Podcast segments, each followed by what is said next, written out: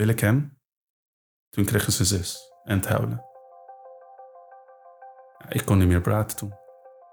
Er is veel te doen over vluchtelingen in Nederland. Europese landen werken samen in het opvangen van vluchtelingen. De landen vinden dat er te veel asielzoekers naar Europa komen. En daar willen ze dus iets aan doen. We zijn in Nederland knettergek geworden wat we allemaal toelaten.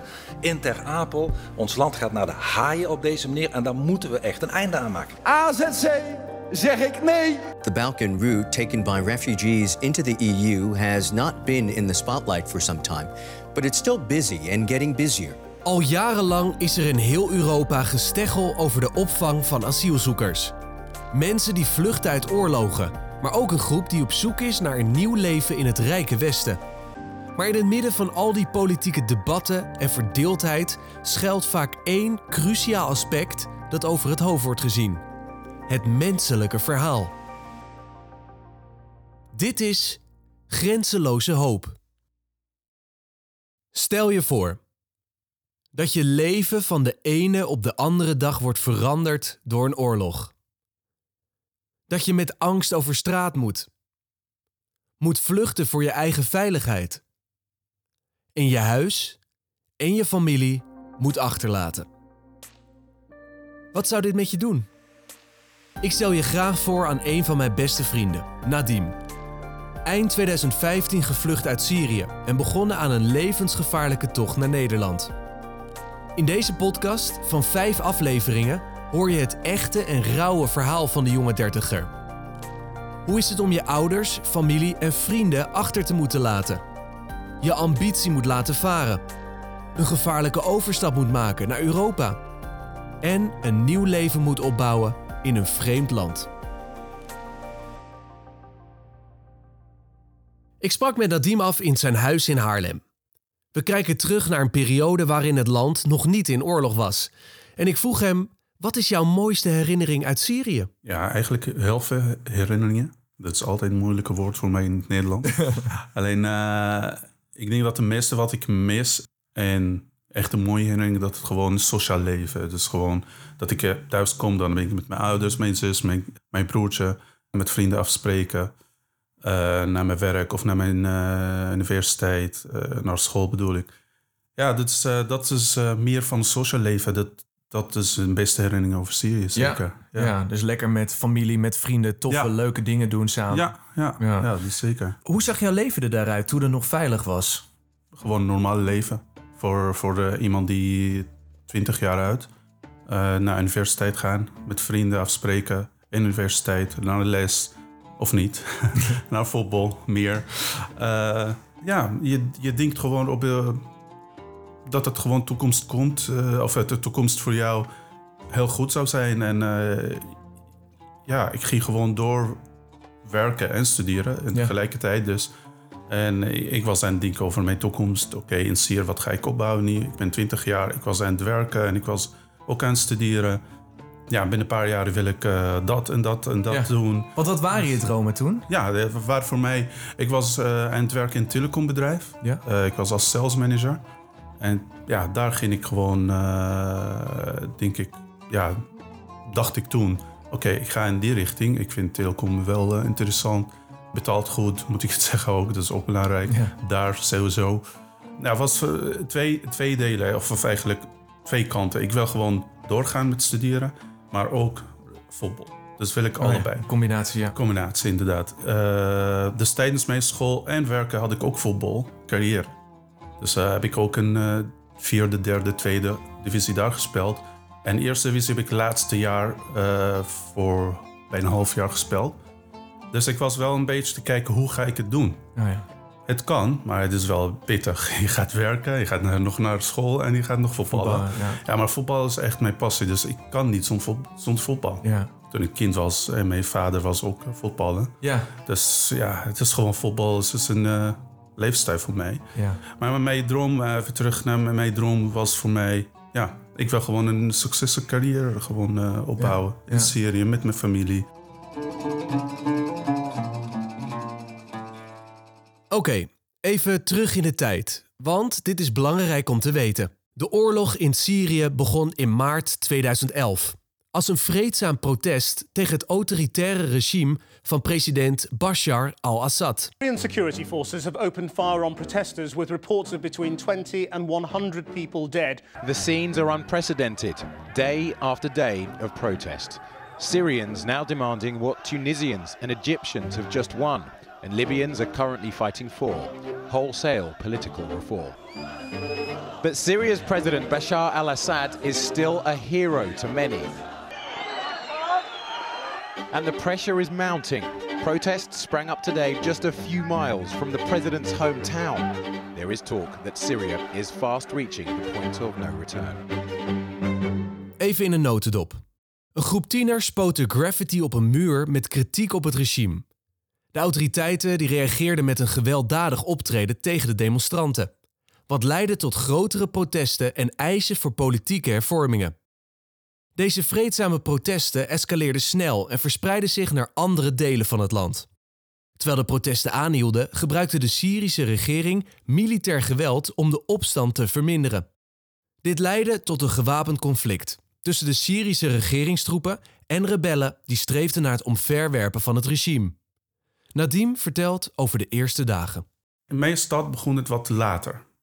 Dus ook mensen gingen op straat, ging het wat dachten wij, ik zelf, als ik met vrienden, je weet, iedereen pra praat daarover, maar een beetje in geheim dat, oké, wat gaat gebeuren nu?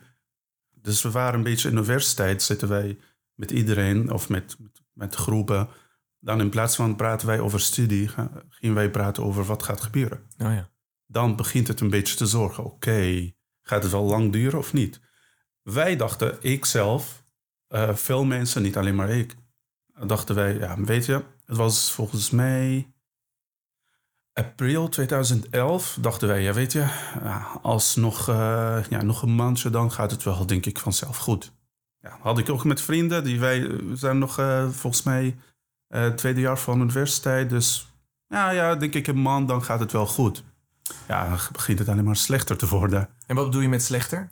slechter dat het gewoon niet uh, op straat gaat. Niet alleen maar mensen op straat. Het gaat meer van veel doden zijn op straat.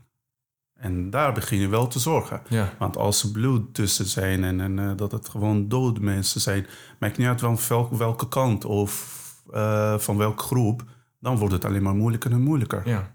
En toen dachten wij, oh, dat is iets echt serieus. En het gaat wel, denken we, dachten wij, ja, lang duren. Ja.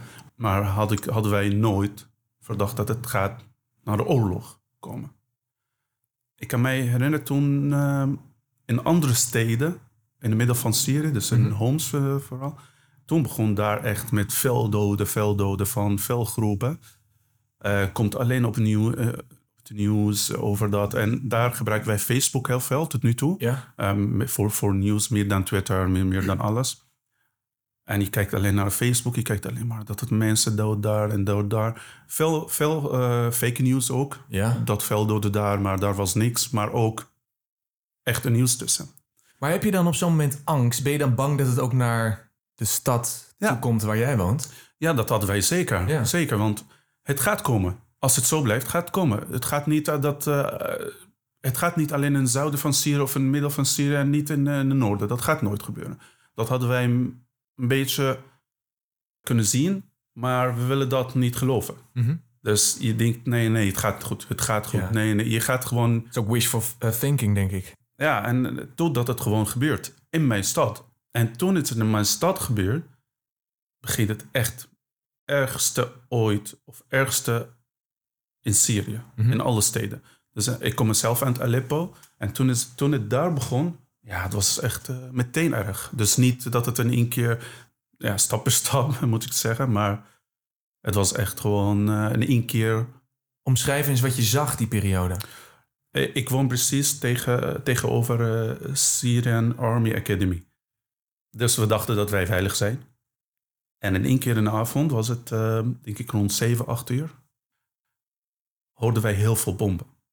Heel veel. We weten niet, is het hier of is het van de Syrian Academy dat het gewoon dat het raket naar andere plekken? Of is het. Dus we weten helemaal niks van. Er komt niks in het nieuws en het gebeurt en het is zo hard. Dus je denkt, wauw, wat gebeurt hier? Toen gingen wij meteen uit ons huis naar beneden en naar een vriend van mij die woont precies op hetzelfde gebouw. Dus gingen wij gewoon... Want ik woonde op de laatste verdieping, hoogste verdieping. En gingen wij naar eh, onder. Onder de grond, moet ik het zeggen. Zo is het. En toen, eh, ja, toen begon het, wat gebeurt nu? Want het ging niet alleen maar vijf minuten, v- 15 minuten. Het ging voor vijf, zes uur. Zo. En de mensen weten helemaal niks van. Nee. En ik ging naar Facebook kijken. Toen heb je helemaal geen internet meer. In de hele stad. Je weet maar nooit, wat gebeurt nu? Je weet het niet. Nee. Dus dat was voor, voor ons, dat is grote angst. Ja, nu, wat gaat gebeuren? En dan wordt het van jouw eh, dagleven of normale leven dat elke dag komt er een bom daar, een bom daar. En ehm, zoals je net al aangeeft, dan verandert je leven in één klap. Ja. Wat vond je aan dat moment het allermoeilijkste? Ja, het allermoeilijkste was accepteren. Dat jij alles wat je denkt dat gaat komen, dat is jouw toekomst. Je bouwt voor je toekomst en nu, je weet niet als je morgen leeft. Ja. Je weet het niet. Je gaat naar school, ja, kom je terug? Oh, je, ga- ging nog wel naar school? Ja, Ja. ja. de eerste paar maanden ging het wel een beetje eh, afwachten. En eh, eh, we waren ook geen school voor, denk ik, een paar weken. Je leefde per dag. Ja. En in plaats van je droom dat jij echt een mooie baan eh, gaat... of eh prof, profvoetbal gaat worden of whatever. Jouw droom was gewoon... kan ik een water regelen voor mijn Ja. huis? Kan ik stroom regelen voor mijn huis? Dus dat is gewoon wat we hier hebben. Dus eh, gas, ja, hebben wij gewoon gas. eh, We hebben water, eh, ja, gewoon de kraan open, dan is het klaar. Ja, daar was het niet.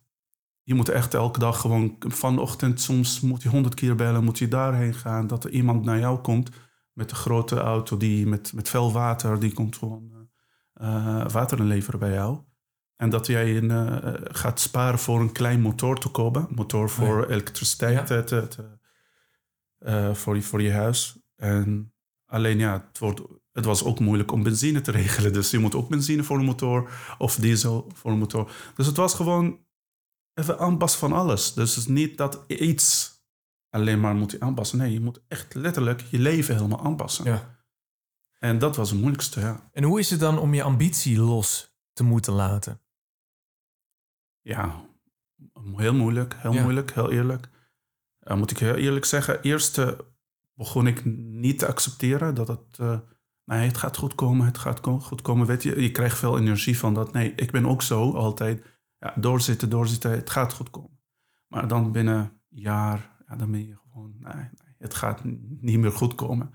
We hopen wel dat het goed komt, totdat je gaat accepteren. Nou ja, ja, nu eigenlijk alle dromen, wat heb ik zelf gepland. Dus mijn studie. Ik weet niet als ik mijn studie ga afmaken als het zo blijft. Ja. En ik weet niet als ik door ga voetballen. En ik weet niet als ik vrienden nog kan zien. Ja, ging ik mijn droom verliezen, zo moet ik het zeggen. Ja, ja. Ja, dus echt, eh, ja, dan, dan leef ik gewoon per dag. ja, dat lijkt me Ja. zo frustrerend. Ja, zeker. Je hebt een bepaalde droom, ambitie, je- je bent er hard voor aan het werk en opeens Ja. Moet je dat loslaten. Ja, zeker voor veel mensen hetzelfde geldt. Maar voor mij, ik ben zelf een persoon die houdt van plannen. Dus ik plan echt voor mijn leven dat, ja, ik wil dat en ik wil dat en ik wil dat. Eh, ik was bezig met school, elk jaar gewoon eh, afstuderen. eh, Of, of elk jaar bedoel ik naar de volgende, naar de volgende. Wil ik gewoon zelf een master doen. En daarna gewoon doorgroeien met mijn carrière. Alleen, je merkt dat het niet meer mogelijk. Vooral voor iemand die boven 18 in Syrië. Want Nee. als je boven 18 in Syrië, dan, moet je naar, dan heb je een dienstverplicht. Ja, moet je naar het leger? Moet je naar het leger, eh, inderdaad. Eh, alleen als je aan het studeren bent, dan mag je gewoon blijven met studeren. En als je klaar met studeren, dan moet jij naar het leger. Wil je dat? Nou, dat was de vraag. Ja. Voor mij, het is niet omdat het gevaarlijk is. Het is meer van voor onbepaald tijd. Het was voor 2,5 jaar. En als je universiteit hebt gestudeerd, dat is anderhalf jaar. Maar daarna, tijdens de oorlog, was Je onbeperkt. nee, je het- gaat en je weet niet Het als het land is in oorlog, ja. Je weet niet Precies. duurt. Ja. En ik wil niet zeggen dat ik niet mijn land wel... eh, Dienen. ja, Ja. precies. Maar het gaat over dat tegen wie ga ik vechten? En met wie ga ik vechten? Oh, ja. En dat was voor mij oké. Ik heb ook vrienden van andere groepen. En ik heb ook vrienden hier. Dus tegen wie en met wie en waarom? Waarom ga ik vechten? En dat was mijn vraag altijd.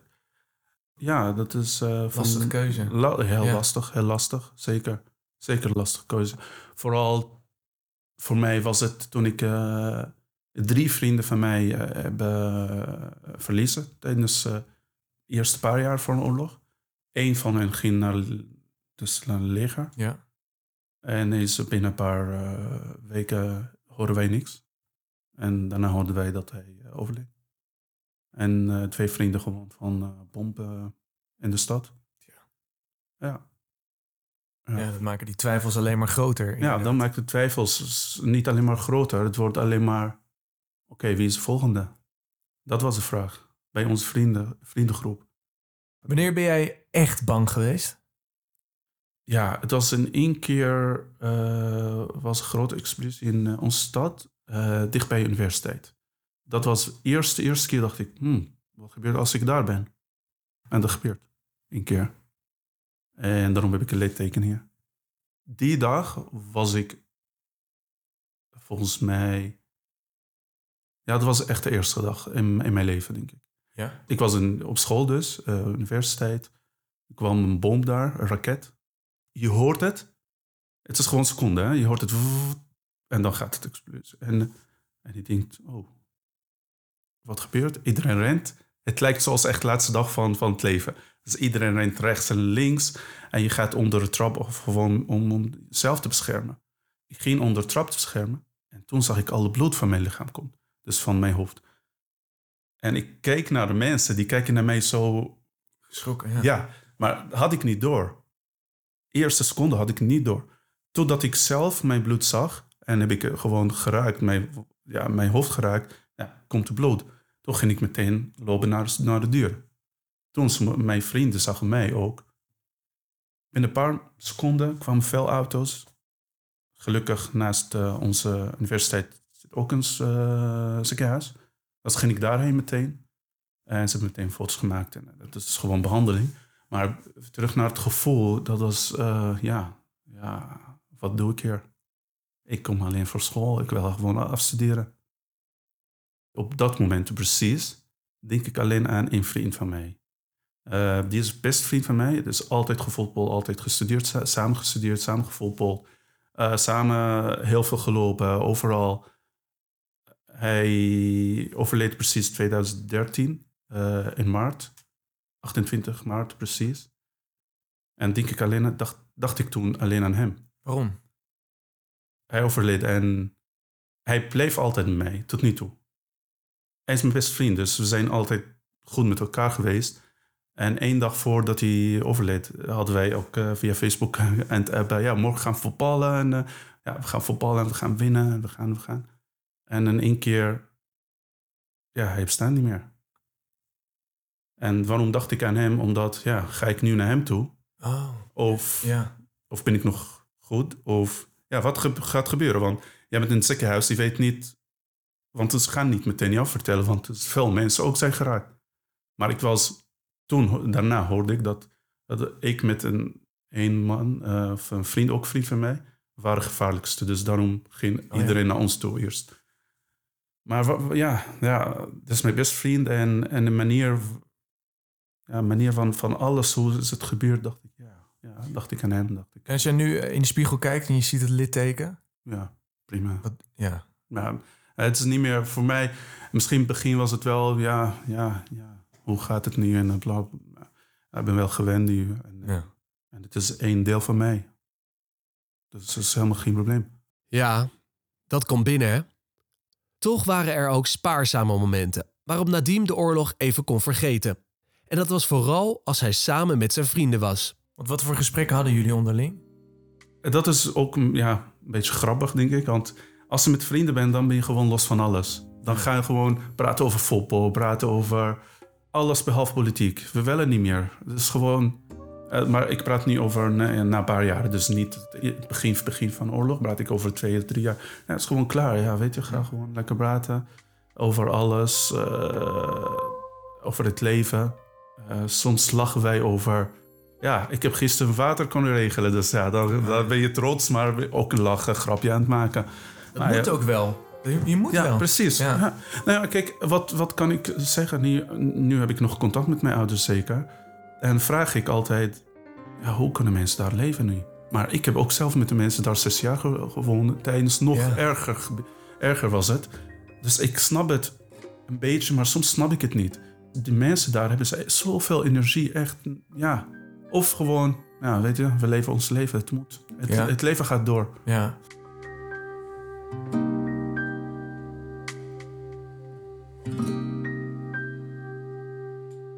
En wat was het moment dat je echt besloot: dit is genoeg, ik moet nu echt vertrekken? Het moment precies wanneer heb ik het besloten, dat was tien maanden voor de, dat de raket in mijn universiteit kwam. Voordat ik eh, geraakt ben, bedoel ik. Want eh, ja, toen de b- beste vriend van mij eh, eh, overleed door eh, eh, de eh, raket en, eh, en zijn... Hij was aan het werken toen, hè. Dus er kwam gewoon raket in zijn werk. En, eh, en alle groepen gaan zeggen, die groep heeft het gedaan, die groep heeft het Ja, gedaan. Die groep- ja. Dus die gelooft niemand eh, op een gegeven moment. De manier hoe heb ik het gehoord, dat hij overleed nog. Ik kan het niet zo echt, ja, niet meer geloven. Ik was, ik weet het, ik was bij mijn zus huis. We waren aan het eten met de familie. De vriend van mij, zijn achternaam is heel bekend. Dus veel mensen hebben zijn achternaam. En ik zei, via Facebook hoor je heel veel. We waren aan het eten. Eh, volgens mij, mijn vader was iets aan Facebook aan het kijken. En hij zei, is dat niet jouw vriend? Is zijn naam. Ik zei, ja, maar er zijn ook veel mensen dezelfde achternaam en voornaam. Je weet, Mohammed is, is een heel bekende naam. Dus Ik zei, ja, maar nee, nee, nee, hij is niet. Dus ik begin, nee, nee, nee, dat kan niet. Ik was met hem net. Nou, ging ik bellen naar zijn huis. Daar gebruiken wij, ja, mobiel is wel duur daar. Dus toen ging, ging ik gewoon uh, vast telefoon gewoon pakken. Bel ik hem. Toen kregen ze zus en het huilen. Ik kon niet meer praten toen. Ging ik gewoon, uh, ja, klaar. Ik weet dat toen, toen ging ik naar buiten gewoon. En dat was echt het moment waar ik dacht... Ik ging naar beneden. Ik, ik ging echt gewoon uh, buiten lopen op straat. Uh, ja, dat is klaar. Ik wil ja. zo snel mogelijk afstuderen. Ja. En na één jaar kreeg ik dat. Ja, dat was gewoon... Ja, litteken, ja, ja, precies. Litteken. En um, dan besluit je dus na lang wikken en wegen om weg te gaan, om ja. te vluchten. Maar dat moet je dan ook delen met je familie, met je vrienden, ja. met uh, collega's, studiegenoten. Ja. Hoe was dat? Ja, na zes jaar van de oorlog denk ik dat veel mensen zijn ook uit Syrië gegaan. Veel, veel. Uh, vooral naar Turkije, naar andere landen. Dus je verwacht het, een beetje. Of uh, vrienden ook verwachten van jou, uh, familie ook. Alleen het was ook niet alleen mijn beslissing. Want ik ga mijn ouders ook niet zo laten. Ik ben nee, niet precies. zo selfish dat ik uh, alleen ga ik voor mijn veiligheid. Maar het was eigenlijk een besloot van mijn, beslissing van mijn ouders meer. Ja? ja Wat zeiden zij? Eigenlijk voor. Mijn vader zegt altijd, ja Nadim, ik denk dat hij weg moet. En toen dacht ik, nee, nee, ik ga jullie niet laten. En mijn moeder zelf, ik had nooit verwacht dat mijn moeder zei zelf, zelf gaat zeggen, Nadim, je moet weg. Het is gewoon, je hebt geen toekomst meer. En uh, ik weet het, uh, op een avond was ik uh, van, ja, ik was met vrienden, denk ik, kwam ik thuis. En toen mijn moeder en vader, ja, gaan we zitten, we gaan met elkaar. Dacht ik, wat gebeurt hier? dat doen wij niet vaak, dus dan is het echt serieus. Dacht ik, oké. Ja, gingen wij, toen mijn vader begon, we denken dat, hij, dat jij echt weg moet. Ja, toen zei ik, denk ik ook, maar hoe ga ik jullie het zo laten? Ja, toen zei mijn vader, nee, het hoeft, hoeft niet zo over te denken. Ja, we leven gewoon zoals de mensen hier en ik, ik ben nog gezond en je broertje hier, dus het gaat goed komen. En, ik, en hij dacht, en heeft gelijk zeker, dat ik vanuit het buitenland kan ik helpen dan beter dan, dan als ik daar bleef. Maar op, het moment dat, op dat moment, je stopt met nadenken. Je denkt, wat als ik ga en gaat iets gebeuren voor hen? Wat, dus dat komt allemaal een beetje in je hoofd, maar je wilt niet nadenken. Als mijn moeder dat zei, zei dat, is, dat is gewoon, dat zegt genoeg. Want ik had nooit verwacht van mijn, vanuit mijn moeder. En toen hebben wij besloten, ja, oké, ik ga, denk dat het klaar is. Ja. En het was echt binnen een paar dagen ging ik weg. Echt? Ja. En hoe was dat afscheid? Jo, lijkt me zo zwaar. Ja, het is zwaarder dan ooit. Ja. Weet je, ik wil nooit, nooit mijn ouders huilen zien. Dat nooit. Moeders zijn ja, van huilen, maar ik wil nooit mijn moeder huilen zien. Maar dat die vader huilen zien, dat is altijd het ergste, denk ik. En dat was toen, wow, dat, ja, dat was erg, heel erg, ja. En het is niet, als ik ga afsche- afscheid nemen, dat betekent dat ik in Europa ben. Het is niet vliegtuig en ben ik gewoon binnen twee uurtjes in Europa. Nee. Het kan dat ik niet meer bestaan. Ja, het kan van alles. Het is heel gevaarlijk onderweg. Dus je weet niet, ga je ouders zien? Ja, tot nu toe heb ik mijn ouders ook niet gezien. Is nu 7,5 jaar ongeveer. Acht jaar. Ja. Dus eh, ja, het is heel moeilijk. In de volgende aflevering neemt Nadim je mee in zijn eerste deel van de vlucht. Een reis met levensgevaarlijke momenten. Dus de water komt ook in een boot. Toen ging ik tegen mensen zeggen, ja, gewoon alles weggooien. We moesten alles weggooien. Ik heb mijn tas weggegooid, veel mensen hebben weggegooid. Dit is de podcast Grenzeloze Hoop. Over een van mijn beste vrienden Nadim, die gevlucht is uit Syrië naar Nederland. Na de laatste aflevering doen we een QA met Nadim. Heb jij een vraag over zijn ervaringen in de oorlog, zijn vlucht naar Europa of iets anders? Stuur dan nu jouw vraag in via een DM op Instagram. Zie de link in beschrijving. En luister nu ook naar de tweede aflevering van Grenzeloze Hoop.